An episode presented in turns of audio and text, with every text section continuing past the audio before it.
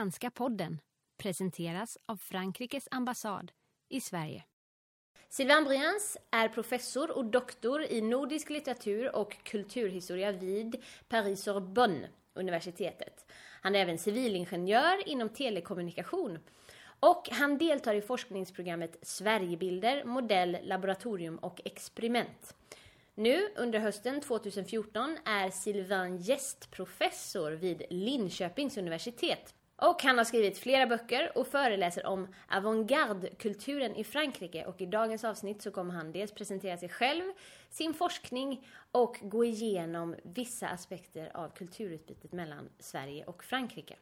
Välkommen till Franska podden Sylvain. Kan du ge en presentation av dig själv till lyssnarna?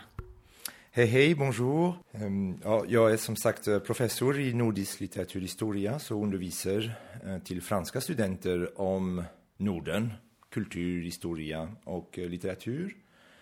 Ehm, jag har tidigare jobbat i industri som civilingenjör, bland annat på Ericsson och också på FN i Genève. Ehm, men undervisning var viktig för mig och jag bestämde mig för att byta ehm, fält och eh, börja en karriär på universitet. Vad gör du här i Sverige i höst och kan du berätta lite om forskningsprogrammet som du ingår i? Eh, sen länge eh, på Sorbonne så har jag samarbetat med ett svenskt universitet, med Stockholms universitet och eh, speciellt med Linköpings universitet.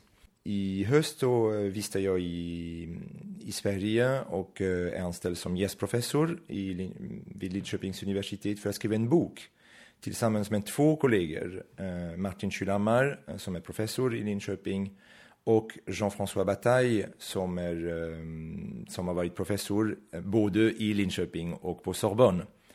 Och alla tre så försöker skriva ihop en bok om litteratur som politikens avantgarde. Avantgarde-kulturen, kan du förklara vad det begreppet innebär? Avantgarde används, eller kan användas i två olika meningar.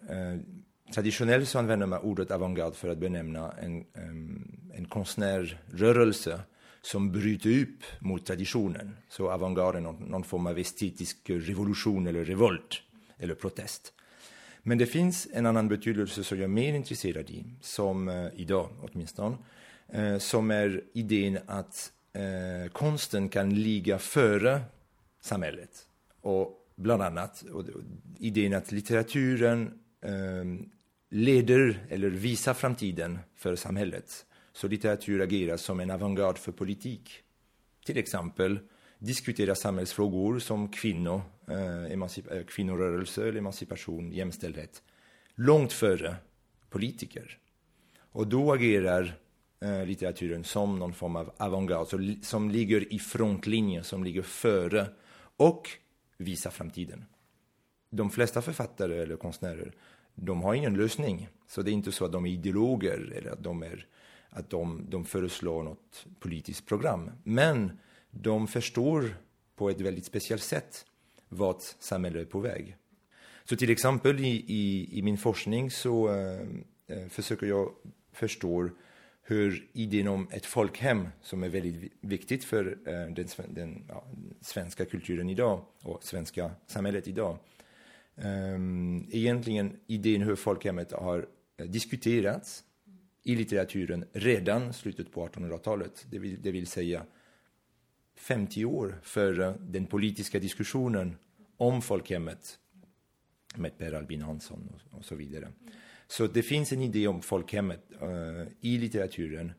Uh, det finns en, en, idé om en vision av hur ska man bygga ett bättre samhälle, mer ja, jämställd, mer eh, ekologisk, där det finns plats för alla utan klass. En sån tänkande finns redan i litteraturen slutet på 1800-talet. Mm. Så det är väldigt spännande att se att till och med politiker som till exempel ehm, eh, Alfred Pettersson, en jordbruksminister, eh, början på 1900-talet, använder ordet folkhem och refererar till Ibsen, till Henrik Ibsen och säger att den är idé jag hittat när jag läste Ibsen. Så sånt mekanismer är vi väldigt intresserade i. Det du precis sa nu här senast anknyter lite till min nästa fråga kring att du föreläser kring de kulturella banden just mellan Sverige och Frankrike efter 1950. Kan du utveckla lite mer vad det innebär? Du har precis pratat om folkhemmet.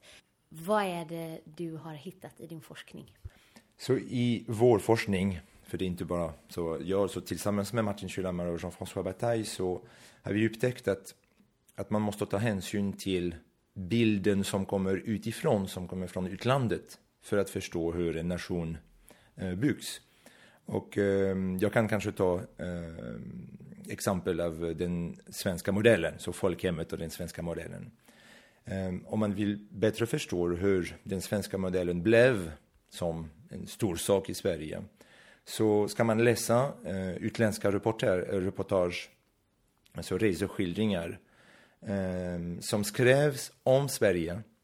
Eh, som till exempel en fransman, Serge de Chessin, på eh, 1930-talet som eh, besöker Sverige och förstår att det händer någonting speciellt i Sverige. Att eh, den sociala organisationen, att eh, eh förhållanden mellan arbetare och Eh, chefer i industri är väldigt speciella. Att man, ja, helt enkelt att eh, det svenska samhället eh, utvecklas på ett sätt som är, som är värt att studera, som är värt att lyfta för världen.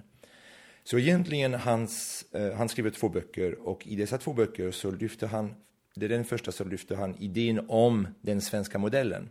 Så man kan säga lite fräck kanske, som, eller fräck för en fransman, att säga att det är Frankrike som, som har uppfin, uppfinnat, uh, uppfunnit den, eh, den svenska modellen. Inte själva, inte en fransman som har byggt samhället, men som har eh, marknadsförar idé att eh, det är något speciellt. Och när Duchessin har skrivit dessa böcker, sen blir det en amerikan, Child, som skriver om det, om den tredje vägen. Och så småningom så byggs en idé internationellt, att det svenska samhället kan ses som en modell. Och denna bild som kommer från utlandet sen blir introducerad i Sverige och blir en viktig eh, Eh, del av eh, byggandet av ja, eh, den svenska nationen. Så att sin, det blir en svensk idé och den svenska modellen blir väldigt central på 50-60-talet i, i, Sverige. Men man ska inte glömma att eh, denna byggs i, i samverkan mellan Frankrike och Sverige. Och man kan ta kanske ett, ett, annat, ett annat exempel som är ja, närmare oss idag. Man, kan, man har annonserat eh, sen 80-talet att den svenska modellen var på väg att eh, dö att, eh, att Sverige var på väg till ja, helvete, en ny, en ny ja, stillsam totalitarism eller diktatur som man har pratat om.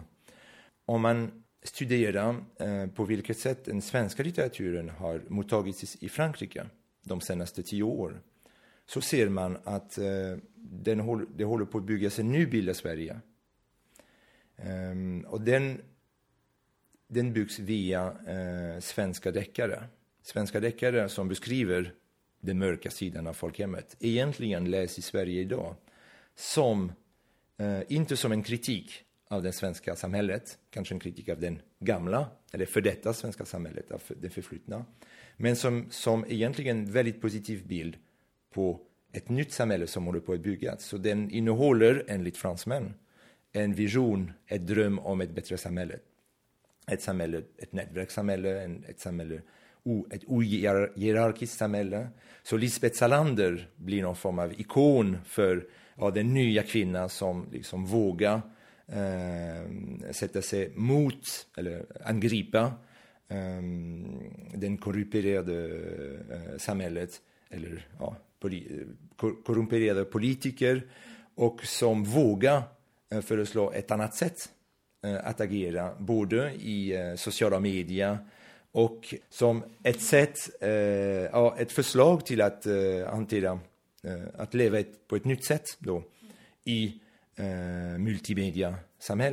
Det kan låta paradoxalt, men igen så är Frankrike en viktig del i byggande av den svenska modellen, fast nu handlar det om, om det nya eh, svenska modellen, eller ja, den svenska modellens comeback, om folkhemmet 2.0. Och i sin tur börjas det um, byggas i Sverige hos politiker en ny bild som kallas för folk, folkhem 2.0. Så man ser igen både växelverkan mellan litteratur och politik och växelverkan mellan Frankrike och Sverige. Du har skrivit en bok, Paris, laboratoire de la littérature scandinave moderne. Kan du berätta vad den handlar om? Ja, med en sån titel eh, tror många svenskar att eh, det blir en, en, en bok till av en fransman som förklarar hur viktigt Frankrike har varit för Sverige. Eh, men det är inte det jag, jag skrev om. Eh, egentligen som historiker förstår, förstår man väldigt väl att eh, kulturellt byte handlar alltid om, om samverkan. Eh, att eh, det är ytterst sällan att en, en, en kultur får en, en, ett inflytande på en annan kultur. Ehm, för det första, för när två kulturer möts så blir det, de två kulturerna blir annorlunda. Så att eh, Frankrike har blivit annorlunda tack vare Sverige och vice versa kan man säga. Men då tog jag exempel av Paris som ehm, ehm, blev enormt viktigt för svenska författare vid slutet på 1800-talet för bara de, de bosatte sig i Paris. Om man studerar vad de gjorde i Paris så förstår man att egentligen Paris blev väldigt viktigt för dem för att skapa ett nytt sätt att skriva. Så det är inte så att de blev naturalister tack vare Zola eller symbolister tack vare eh, Mallarmé. Nej, det, det blir något annat. De skapar något nytt som, in, som inte är lika med eh, vad den franska litteraturen håller på på den tiden. Eh, med, men som eh, egentligen är, berättar om det möte de, ju, de gjorde med den stora staden, med Europa. Um, och detta kunde de inte göra i, i, i Sverige på den tiden eftersom uh, Stockholm var fortfar fortfarande ingen metropol. Och för det, för det andra så um, var det inte lika lätt som det är idag att resa runt i världen. Så åker de till Paris och till Berlin och det är egentligen det öppna dörren till världen. Så det handlar inte så mycket att den, den franska kulturen har varit avgörande för dem. Det handlar mer om en plats som ett kultur, ja, eh, för kulturellt utbyte. Kan du nämna några exempel? Ja, den, den mest kända exempel är, eh, är Auguste Strindberg som bosatte sig i Paris och började träffa andra nordiska författare. Det var inte så lätt på den tiden för det var rätt mycket spänning mellan Norge och Sverige. Um, träffa konstnärer, träffa musiker. Ehm, så det är för, för historiker är väldigt, eh, det är en fascinerande period när man kan eh, berätta om eh, hur det gick till på café mm, när Strindberg och Munk, Edvard Munk, satt och drack absint och pratade om konst. Ehm, men så det är en väldigt intressant period för den period som handlar om Europa och att bygga en gemensamhet i Europa. Och eh, detta kan leda till en reflektion idag med, eh, där, när man pratar om eh, europeisk integration, när man nästan alltid pratar om ekonomi och politik och finans. Medan eh, för kulturhistoriker så står det självklart att Sverige är med i, Europa sedan sen länge i ett ja, Europa av kultur och intellektuellt utbyte. Silvan, tack så hemskt mycket för att du tog dig tid att komma till Franska podden. Tack så mycket. Det var ett en grand plaisir.